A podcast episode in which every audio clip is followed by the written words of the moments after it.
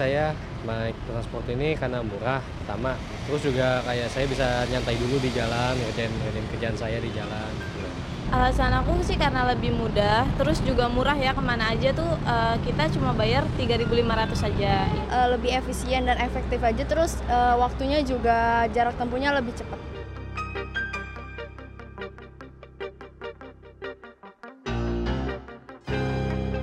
Dari uh, busnya aja itu udah yang namanya tuh bersih banget. Nah udah bersih, habis itu kita juga nyaman banget dan dingin gitu kan di dalam busnya. Uh, gitu. Mungkin uh, karena terkadang waktunya nggak uh, sesuai jadwal terus juga akomodasinya belum terlalu banyak itu yang kadang harus kita nunggu sama lama sih. Pasti ada enak ada nggak enaknya. Lebih nggak enak kalau di jam berangkat kerja sama pulang kerja itu kita tuh bener-bener desek-desekan dan sampai nggak bisa nafas kadang gara-gara uh, penuh ya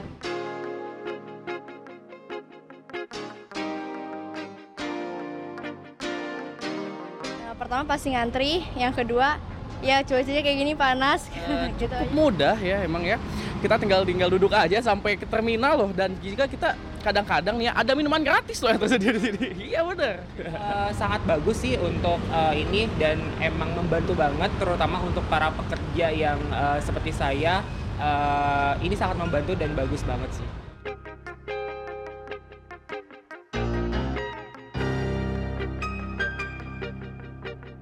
ideal tuh terpenuhi dari sarana prasarana kayak toilet terus yang kata toilet cek bersih terus bisnya juga banyak kalau terminal menurut saya sih terminal yang ideal itu yang pasti yang aman yang terus juga lebih uh, nyaman aja sih pokoknya jauh dari kayak pencurian atau gimana gitu mungkin ini bisa direnovasi kayak uh, dari sarananya lebih diperbaiki lagi aja. Pertama nih uh, mungkin banyak petugasnya. Karena misalnya kita kebingungan kan bisa tanya-tanya ya kan. Nah, yang kedua tuh bersih ya kan. Yang ketiga tuh ada uh, kayak misalnya tempat-tempat uh, umum kayak misalnya musola atau misalnya toilet gitu. Itu ideal banget sih. Oke, kalau kita lihat dari tayangan tadi, uh, ketertarikan dan juga minat masyarakat dalam menggunakan transportasi umum ini trennya cukup positif ya, terus meningkat. Untuk itu Kementerian Perhubungan melalui Direktorat Jenderal Perhubungan Darat ini melakukan reformasi pelayanan angkutan massal, salah satunya melalui program revitalisasi Terminal A yang ada di Indonesia dan program ini sudah mulai berjalan sejak tahun 2019. Jadi program revitalisasi ini tidak hanya menyasar pada perbaikan fisik dari uh, terminal saja, tapi juga pembaruan toilet, kemudian juga perbaikan atau penambahan terhadap lounge atau ruang tunggu dan sebaik, uh, sebagainya, sehingga ini bisa meningkatkan uh, kualitas dari fasilitas dan juga pelayanan terhadap masyarakat yang menggunakan transportasi umum itu tadi. Itu yang akan menjadi topik dari Secret at Newsroom yang akan kita setrum pada hari ini. Untuk itu kita akan membahas sudah hadir bersama saya ada Direktur Prasarana Transportasi Jalan Ditjen Perhubungan Darat Kementerian Perhubungan Bapak Tony Tauladan. Halo Bapak, apa kabar? Terima Baik, kasih Pak Tony sudah siap. bergabung di Secret at Newsroom kali ini. Siap. Dan juga di sebelah Bapak Tony ada Ketua Bidang Advokasi dan Kemasyarakatan Masyarakat Transportasi Indonesia atau MTI ini yang biasanya kita lewat virtual aja ya Pak. Sekarang hadir ada Pak Joko. Warna Pak Joko apa kabar Pak? Terima kasih sudah bergabung dengan kami. Baik, Bapak-Bapak kita akan membahas bagaimana program revitalisasi Terminal A yang ada di Indonesia. Tapi saya akan ke Pak Tony dulu. Sejauh ini bagaimana implementasi ya, penerapan atau progres dari revitalisasi, revitalisasi Terminal A yang ada di Indonesia? Ya, baik. Eh, terima kasih. Uh, revitalisasi ini adalah program unggulan dari Dijen Perhubungan Darat ya, yang yang mana visi utamanya adalah untuk peningkatan pelayanan uh, khususnya di terminal gitu ya. Nah, uh, beberapa parameter yang menjadi yang menjadi ukuran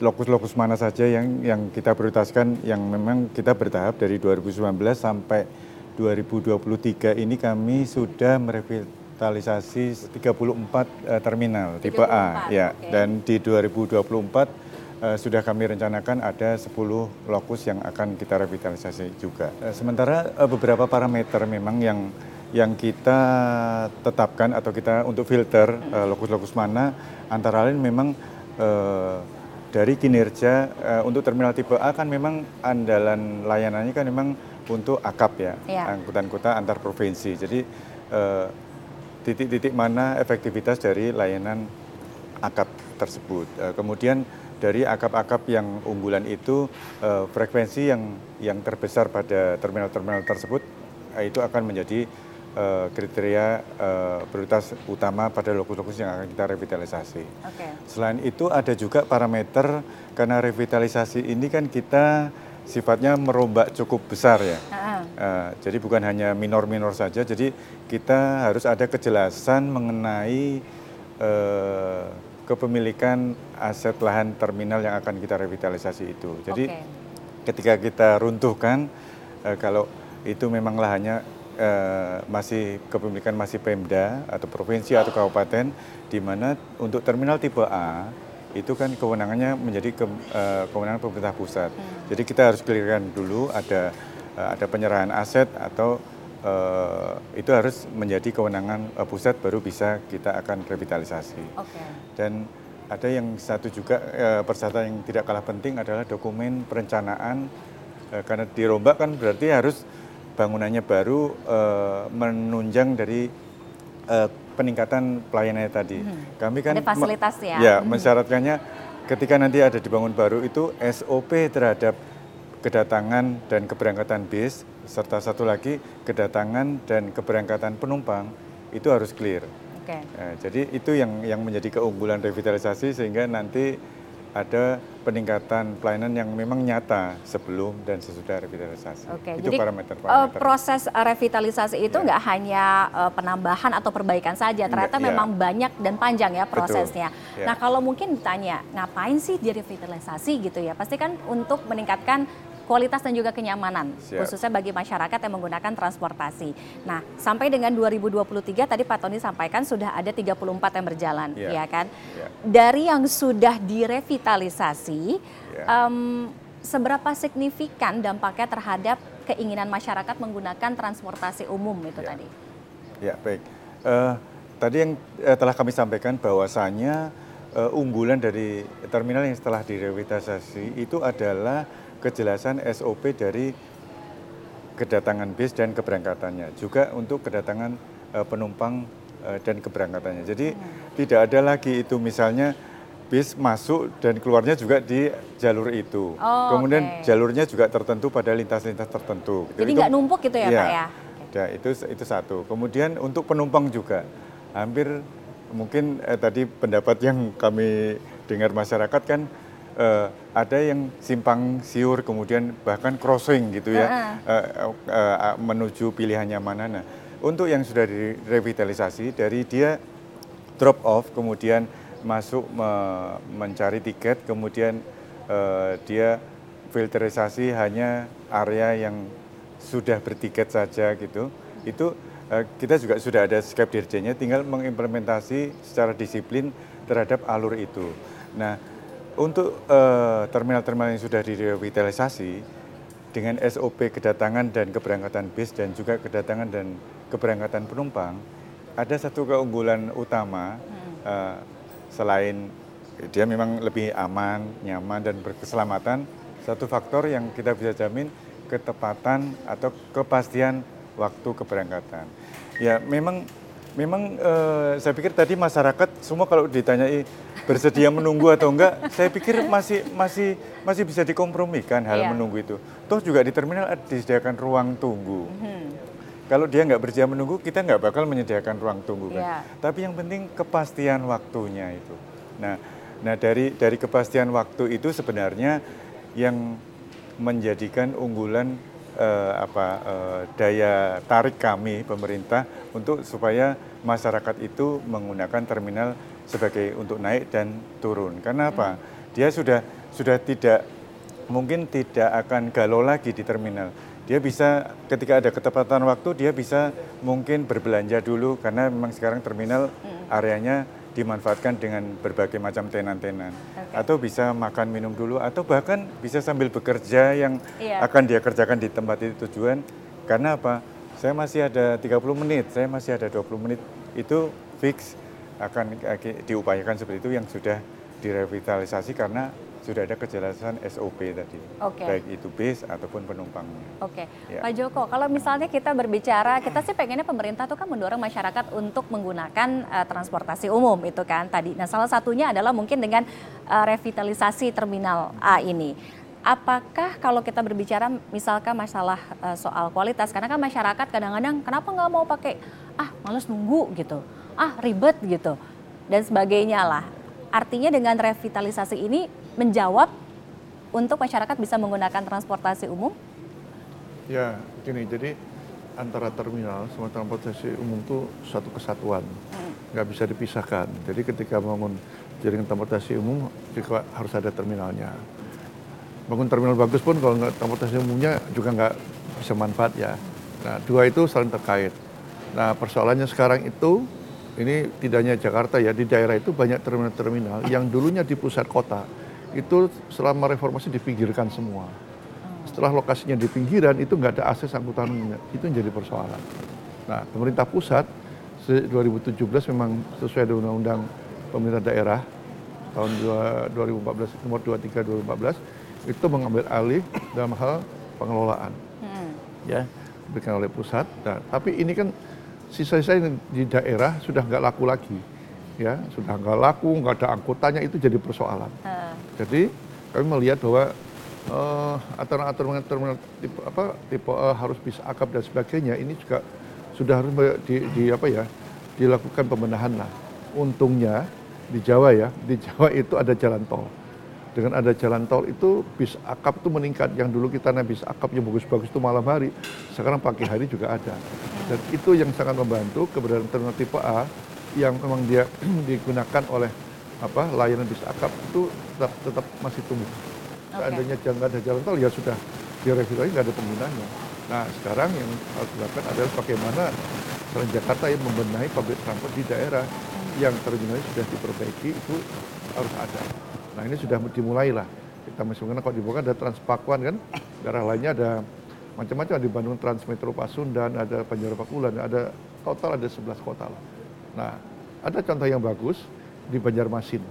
Itu ada terminal dibangun oleh pusat sudah lama itu mangkrak, hampir mangkrak. Jadi udah dibangun bangunannya nggak ada yang mau ke sana Oke. nggak ada angkutannya, bis akap nggak mau.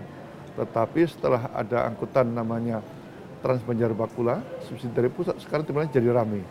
Sebelum ramai, terminal difungsikan waktu itu untuk aktivitas non transportasi untuk kampus semuanya. Sudah mulai tiba-tiba sekarang sudah ada sejak 2020 ada layanan Trans Banjarbakula subsidi dia. Ya kan Transjakarta lah, tapi untuk lokal-lokal sana. Sekarang jadi ramai. Saya udah kemarin tiga bulan lalu saya ke sana. Jadi sudah hidup dia. Hah. Bahkan bis akap yang dulu nggak mau masuk ke sana, sekarang sudah mau masuk. Oke. Nah itu contohnya berarti ketika diperbaiki, angkutannya juga harus bareng-bareng diperbaiki. Oke. Gitu. Sebenarnya bukan berarti tidak bisa, bisa, Bisa. ya tapi memang ada em, apa ya, ada ada caranya, ada tahapannya Betul. itu tadi ya. Oke, eh, Pak Joko, Kementerian Perhubungan, pemerintah kan eh, ingin mendorong masyarakat untuk selalu menggunakan transportasi umum, itu yang diharapkan. Nah, apakah dengan adanya revitalisasi ini menjadi em, titik terang gitu ya masyarakat yang selama ini mungkin enggan untuk menggunakan transportasi karena mungkin takut ribet, waktu nunggunya tadi lama gitu. Sehingga ini oke sekarang terminalnya sudah baik, kualitasnya ditingkatkan, masyarakat pun akan semakin beralih menggunakan transportasi umum. Ya, tadi eh, Pak Teni sudah mengatakan ada sejumlah terminal tipe A yang sudah dilakukan revitalisasi. Tapi ada beberapa terminal juga ada perbaikannya lah ya. Itu memang sejak 2017 terminal tipe A itu kan wewenang pusat itu diambil alih semuanya oleh pusat. Meskipun ada sebagian masih di daerah. Karena ini menyangkut biasanya PAD lah kalau daerah itu pengen kok pusat saya dapat apa gitu kan. Sehingga ada juga terminal tipe A yang dulunya menguasai semuanya di paru-paru. Itu ada yang kasih ke pusat sebagian, sebagian mereka kuasai di daerah. Tapi setelah dikuasai dibantu oleh pusat bagus itu terjadi ketimpangan pembangunan yang pusatnya bagus, yang daerah masih kumuh gitu kan. Ada seperti itu karena mereka mungkinnya PAD. Padahal kalau itu diberikan ke pusat semuanya kan jadi bagus, orang mungkin senang. Nah, terminal sama angkutan ini merupakan satu kesatuan, tidak bisa terpisahkan. Kalau terminalnya bagus, angkutannya bagus, orang akan senang. Dan dulunya sedianya itu terminal itu di pusat kota harus ada. Oke. Tetapi masa reformasi itu banyak terminal di pusat kota disingkir oleh kepala daerahnya, bahkan dijual. Yang di pusat kota itu ada jadi plaza, eh, jadi mall. Tergusur. Dipinggirkan. Setelah dipinggirkan, itu macam-macam banyak kebanyakan dipinggirkan tuh maaf aja ya lahannya milik kepala-kepala daerah itu tadi. Saya beberapa, ke beberapa daerah, ada satu daerah dibangun terminal aksesnya buruk. Sampai sekarang sulit digunakan. Nah, tapi ada juga terminal dipinggirkan, ya. Contohnya itu di Banjarmasin. Itu kilom- kilometer 17 lah ke Gambut Barakat nama terminalnya itu. Itu lama tidak berfungsi. Bagus bangunannya besar sekali. Sesuai aturan dulu sampai punya lahan 5 hektar. 5 oh 3 hektar keluar Jawa ya. Sepi. Nah, kemudian tahun 2020 ya ada bis namanya Trans Banjar Bakula, subsidi dari pemerintah pusat itu ada 11 kota ya. Nah itu mulai diberi subsidi, sekarang jadi ramai. Selain orang sedang ke terminalnya naik turun karena berganti moda kan itu ada empat rute di sana, ditambah bis akapnya sekarang sudah masuk ke dalam. Jadi terminalnya itu hidup 24 jam sekarang. Ya sebelumnya memang sebelum ada Trans Banjar Bakula itu digunakan untuk apa? Ada kampus, kampus swasta di sana itu hidupnya sekarang tambah hidup lagi. Jadi contoh adanya terminal yang memang ketika ada angkutannya itu dia bisa hidup. Nah, di Jawa itu tertolong dengan adanya tol Trans Jawa terhubungkan. Yang dulunya bis akap itu malam hari eksekutif kan, sekarang dengan pagi hari karena jarak tempuhnya lebih pendek. Lebih dia. pendek. Lebih pendek, lebih senang. Nah, terminal-terminal yang dekat dengan akses jalan tol itu hidup. Ya, kalau nggak salah itu ada ada Karena 10 lebih lah. memudahkan ya, Lebih Pak. mudah, paling aksesnya 2 kilo, ya kurang dari 2 kilo lah. Iya. Jadi keluar gate tol, dia masuk, ambil penumpang, masuk tol lagi. Ya, bahkan ada contohnya terminal di Tingkir Salatiga, itu terminalnya kecil. Eh, tipe A, tapi A3, kecil itu. Tapi rame mengalahkan terminal yang besar-besar. Karena apa? Dia masih punya angkutan pedesaan, punya ada AKDP-nya masih ada, bis akapnya pagi sampai malam juga 24 jam masih ada. Karena terminal itu kan harapan masyarakat khususnya daerah dalam Hmm. mobilisasi kan ke mana-mana akan lebih memudahkan mereka. Oke, kalau kita berbicara mengenai em, revitalisasi eh, poinnya revitalisasi terminal yang di daerah. Kalau dari em, Pak Tony melihatnya tantangannya apa Pak kalau untuk revitalisasi yang ada di daerah ini? Ya. Jadi kalau untuk kewenangan pusat kan tadi memang revitalisasi terminal tipe A ya. A itu kan layanan unggulannya memang antar provinsi. Nah, ketika antar provinsi kan sebenarnya eh, asal dan tujuan dari angkutannya itu baru mencapai ke pusat-pusat kotanya kan. Jadi eh, masih diperlukan ada integrasi eh, angkutan yang bisa mengakomodir dari penumpang itu dari terminal dia turun tipe A, dia ada angkutan-angkutan feeder yang bisa mengantar dia sampai ke ke Ya, titik tujuannya tujuan, lah. tujuannya. Nah, tujuannya. Nah, baik itu mungkin di dalam provinsi AKDP ataupun tadi Pak Joko sampaikan angkot kan itu yang me- memang bisa sampai ke tujuan perumahan-perumahan ataupun angkutan perdesaan. Nah itu yang yang kita bilang kalau di berangkat kan memang first mile ya. Jadi dari rumah dia menuju eh, tidak bisa langsung ke terminal tipe A-nya langsung kan dia mesti ada kalau C itu kan kabupaten kota, kalau B itu kan eh, pro- provinsi. Jadi harus ada keterpaduan sehingga tidak bisa berdiri sendiri revitalisasi terminal tipe A tapi eh, feeder-feeder yang bisa mengantarkan penumpang dari A kemudian ke tujuan akhirnya itu tidak juga mendukung dari eh, program revi- revitalisasi tersebut. Jadi eh, tantangan kami memang eh, sedang mensinergikan dari teman-teman baik itu provinsi ataupun kabupaten kota supaya eh, kita bisa mendetilkan eh, akap-akap apa saja yang nanti eh, yang sudah di terminal revitalisasi tadi eh, tadi kan frekuensi unggulan itu ap- akap apa saja dan yang akap yang load faktornya memang cukup baik itu apa saja. Nah itu yang akan kita kemudian eh, apa rekomendasikan ini berarti butuh ke turunannya apa terusannya angkutan terusan yang kami sebut tadi first mile. Kalau kalau tujuan berarti kan last mile Iya. gitu.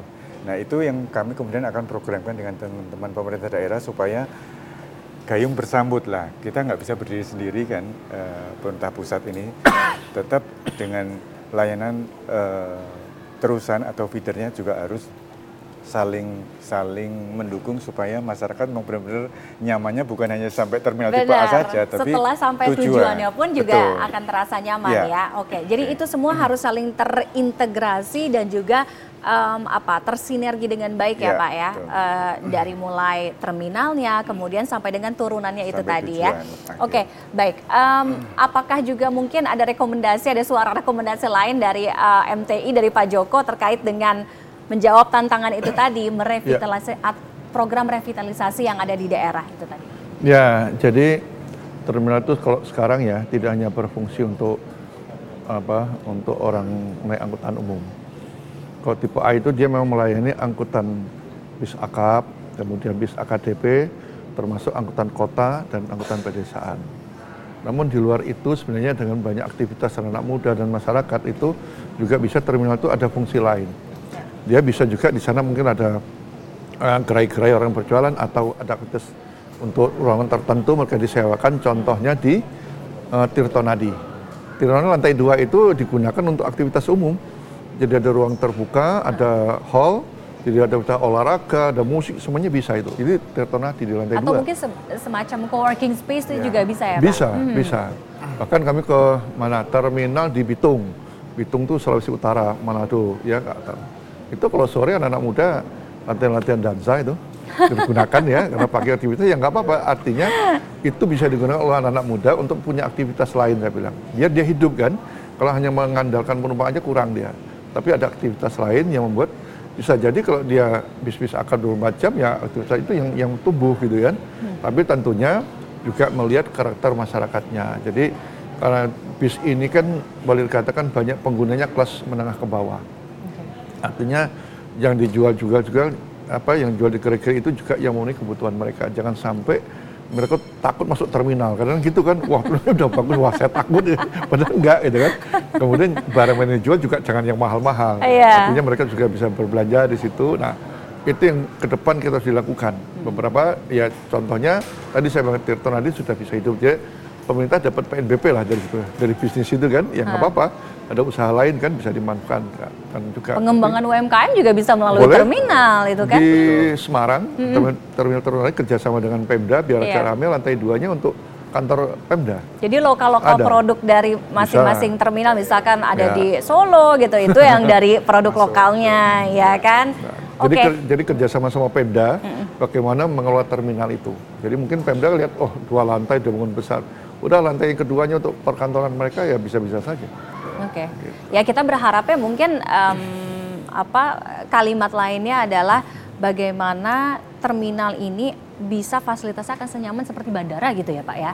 Ya, itu kan yang diharapkan. Oke, eh, Pak Tony, eh, dari kategori-kategori terminal A yang ada di Indonesia dari catatan eh, apa eh, Direktorat Jenderal Perhubungan Darat mana saja mungkin dikasih contohnya Pak yang bisa dibilang oke ini yang eh, cukup baik gitu atau mungkin yang terbaik gitu yang bisa menjadi role lah eh, dari terminal lainnya.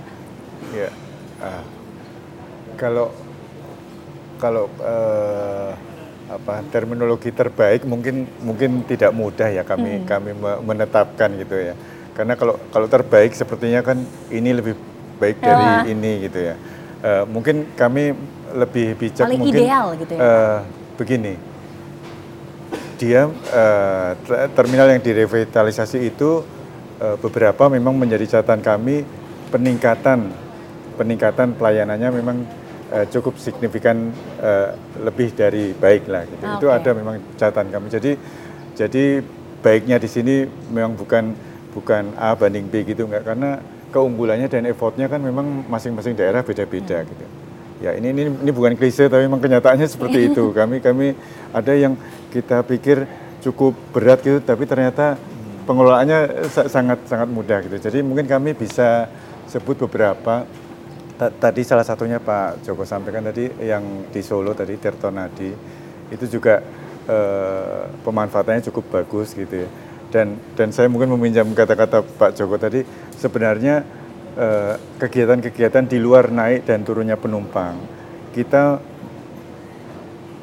eh, menjadikan kegiatan itu sebagai magnet orang masuk ke terminal kan itu sebagai semacam kegiatan antara lah.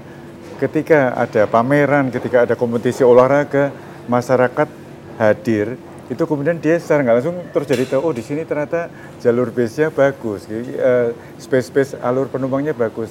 Di lain kali mungkin baru dia menggunakan naik dan turunnya uh, bukan pada saat itu, kan, kan, kan seperti itu.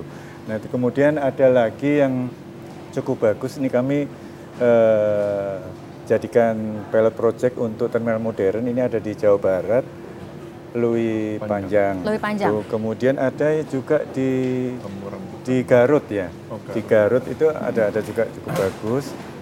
Uh, itu kami uh, tadi yang seperti saya sampaikan bahwasanya visi kami adalah merombak atau lebih menggelirkan SOP SOP datang dan berangkatnya bis serta datang dan berangkatnya penumpang. penumpang. Itu yang uh, saya saya bisa sampaikan baik itu dibanding pos, eh, keadaan terminal tersebut sebelumnya. Gitu. Mm -hmm jadi bukan A atau dibanding B mungkin mungkin kalau itu mungkin perlu kompetisi khusus lah gitu gitu gitu tapi kita ya. harapkan semuanya ya. uh, punya standar pelayanan Contoh. yang sama ya, ya kan uh, fasilitasnya ya. pun juga uh, semuanya yang terbaikan untuk ya. masyarakat oke Pak Joko dari hmm. 34 sampai dengan tahun ini yang akan datang ya. lagi 10 kan 10 sampai lagi. dengan akhir 2024 nah ini catatannya apa evaluasinya dari hasil revitalisasi terminal A yang sudah berjalan sehingga sehingga nantinya ke depannya akan bisa semakin lebih baik lagi? Ya, yang pertama itu ketika sudah dibuat bagus terminalnya, uh, eh, SPM-nya sudah terpenuhi ya. Okay. Cuman yang masih kurang itu adalah kalau pertama itu adalah bagaimana sudah dibuat bagus penumpang itu mau menunggu di terminal. Oh. Ini masalah okay. perilaku juga. Mm -mm, Saya ke mm -mm. terminal apa ya di Banda Aceh itu, mm -mm. itu penumpangnya banyak. Tapi mereka gitu tadi nunggunya dekat bus semua gitu kan. Padahal sebenarnya ruang tunggunya itu kosong gitu kan. Uh -uh ini memang butuh waktu, butuh apa ya pendekatan pada penggunanya. Takut ini ketinggalan loh. kayaknya Pak. Ya karena kebiasaan penumpangnya ya kayak dulu naik kereta lah, naik kereta kan langsung ke penumpangnya pengantaran masuk. Nah FOMO, itu, FOMO. nah itu nggak nyari terminal di, di terminal apa uh, penyeberangan yeah. juga sama perilaku seperti itu. Uh. Tapi kalau dia mau tertib aja, ya mungkin kalau terminal besar, kalau kecil nggak apa-apa lah. Karena uh, terminal tipe A itu ada pembagiannya ada A1, A2, A3 gitu kan. Hmm. Tapi tadi kalau sudah disediakan, ya ini masing-masing daerah kan ada balai ya, dicoba mengatur lah, ya. Nah, termasuk juga pemanfaatannya. Pemanfaatan itu tergantung sebenarnya pada kondisi daerah masing-masing.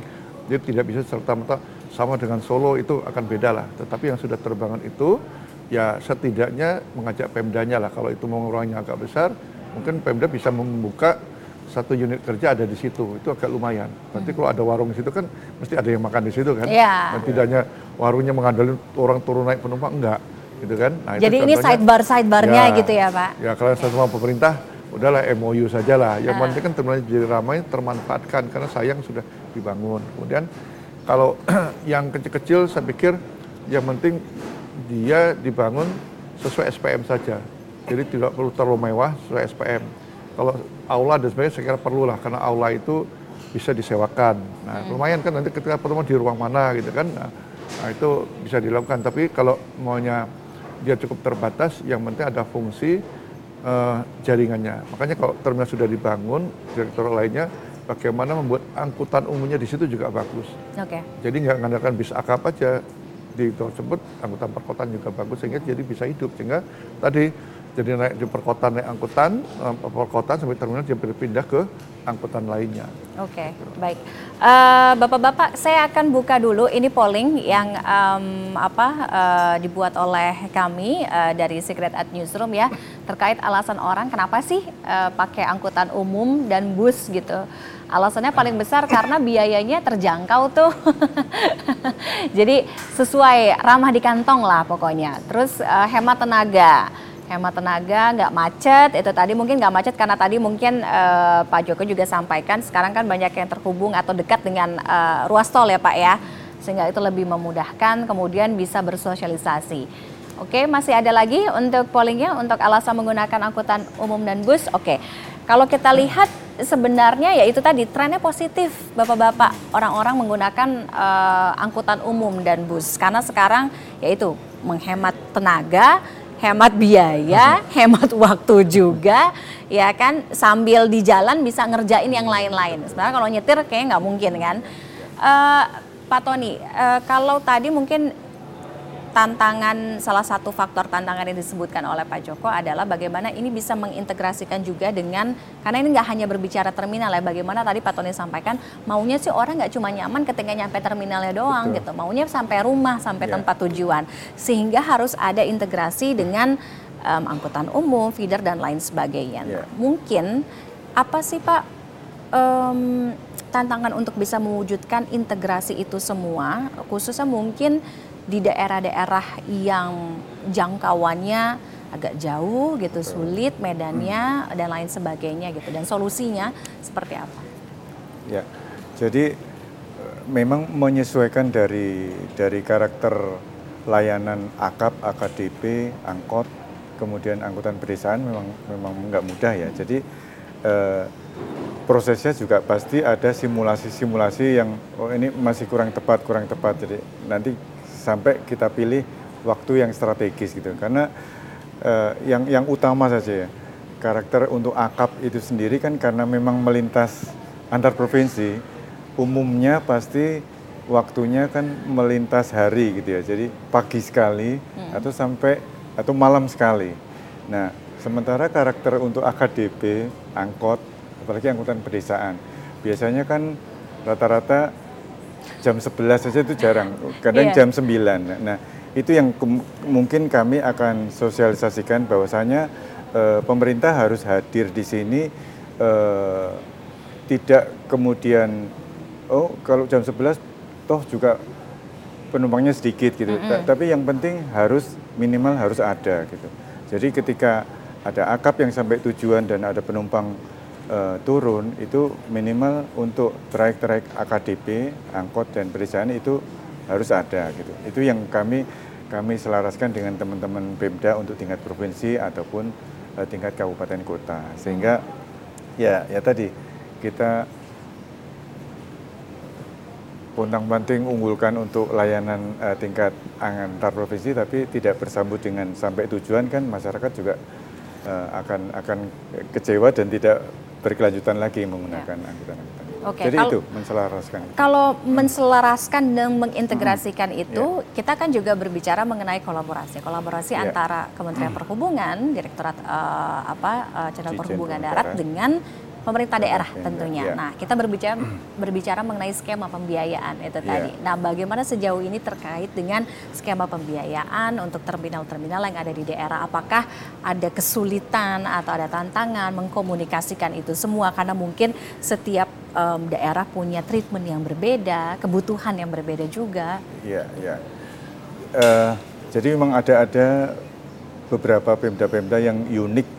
Ki- kita kan memang mengoptimalkan area-area ruang di terminal itu lebih kita prioritaskan untuk teman-teman pemda dulu, baru kita tawarkan ke ke teman-teman swasta. Gitu. Eh, salah satunya ada beberapa terminal yang kita manfaatkan sebagai layanan eh, mall pelayanan publik gitu. Jadi untuk Oh, pembuatan KTP, eh, SIM dengan teman SIM, kepolisian gitu.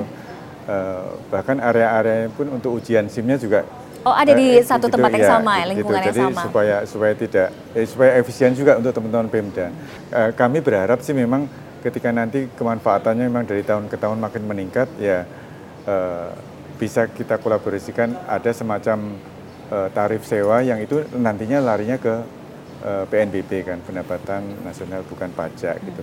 Itu itu yang yang kami sengaja sebagai eh, semacam apa eh, kolaborasi dan tarik ulur lah. Jadi di awal mungkin eh, karena kita bisa merevitalisasi dengan APBN, silakan dimanfaatkan. Kita juga ada untungnya mendatangkan masyarakat dan kenal layanan kami, baik itu bis ataupun orang tadi. Tapi di tahun-tahun berikutnya, yuk kita sama-sama kami yang nasional juga disupport juga untuk pembiayaan. Toh juga PNBP itu bukan kemudian untuk keuntungan kan bukan kalau pemerintah. Ada pemanfaatan PNBP untuk peningkatan layanan itu sendiri. Oke. Jadi begitu berputarnya. Di awal yang kita bisa bantu apa? Nah, di tahun-tahun berikutnya kalau membawa manfaat bagi pemerintah daerah, mari eh, digandeng gitu ya, ikut, ikut, eh. menyumbang PNBP bagi peningkatan pelayanan itu sendiri. Oke. Jadi anulah mutualisme. Gitu. Mutualisme, Ya. simbiosis mutualisme Ya, ya. ya. Eh, Pak Joko, kalau tadi Pak Tony kan sampaikan, ya prioritasnya sebenarnya ke Pemda dulu ya Pak ya, baru habis itu swasta. Nah, bagaimana melihat para pemangku kepentingan Kementerian Perhubungan sudah berupaya sedemikian rupa, tapi kan kayaknya nggak bisa maksimal juga kalau misalnya bolanya nggak ditangkap dengan baik gitu. Nah, bagaimana eh, melihat ini Pak? Ya, saya kira ini Kementerian Perhubungan juga karena kaitan sama Pemda, coba mengajak Kementerian Dalam Negeri. Artinya Kementerian Dalam Negeri juga saya kira mereka kan punya uh, subdit uh, perhubungan atau transportasi ya yang sekiranya itu bisa membentuk perhubungan. Ini loh sudah dibangun terminal, bagaimana Pemda itu menyiapkan angkutannya. Ya. Beberapa itu sudah dibangun, tapi Pemda nggak menyiapkan. Memang di Pemda sendiri ketika menyiapkan angkutan mereka ada keterbatasan fiskal, ya fiskal untuk bagaimana membenahi pabrik transport. Contohnya aja ada eh, terminal Jati Jajar di Depok, itu sebenarnya bagus itu, tapi angkutannya nggak ada yang masuk ke sana, gitu loh. Nah ini memang kesalahan Pemda tidak ada fiskal, tapi kan kalau nanti Kemendagri tahu mereka akan punya punya regulasi sendiri untuk tanda kutip memaksa atau mengalokasikan dari APBD-nya lah untuk melakukan re- eh, revitalisasi angkutan di daerah masing-masing. Meskipun saya tahu mereka tidak bisa seluruhnya ya, tapi setidaknya ada upaya itu. Jangan sampai sudah dibangun, ini ada tidak terintegrasi dengan ya secara regulasi dengan Pemdanya maupun dengan angkutan yang sudah ada. Kan sayang. Akhirnya terminal itu juga kurang termanfaatkan. Di sisi lain juga ini dulu tuh ada namanya pool. Ini Pool, jadi problem juga. Pool-pool itu dulu memang diizinkan oleh pemerintah karena pada saat itu pemerintah belum siap membangun terminal yang bagus. Tapi ini juga harus di apa ya?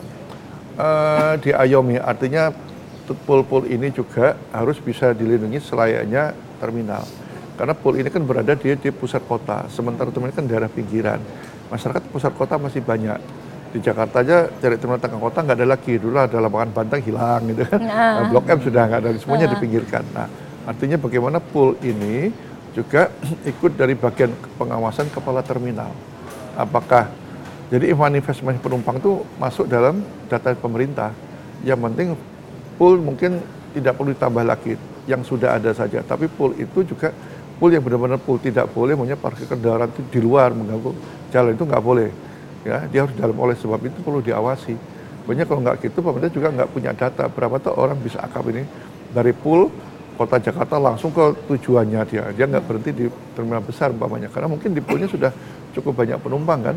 Tapi kalau dia di bawah pengawasan kepala terminal, ya data bisa terhubungkan, ini bisa diawasi sehingga pemerintah juga tahu produktivitas orang menggunakan angkutan umum, ya termasuk menggunakan terminal dan pool itu berapa besar kita akan tahu.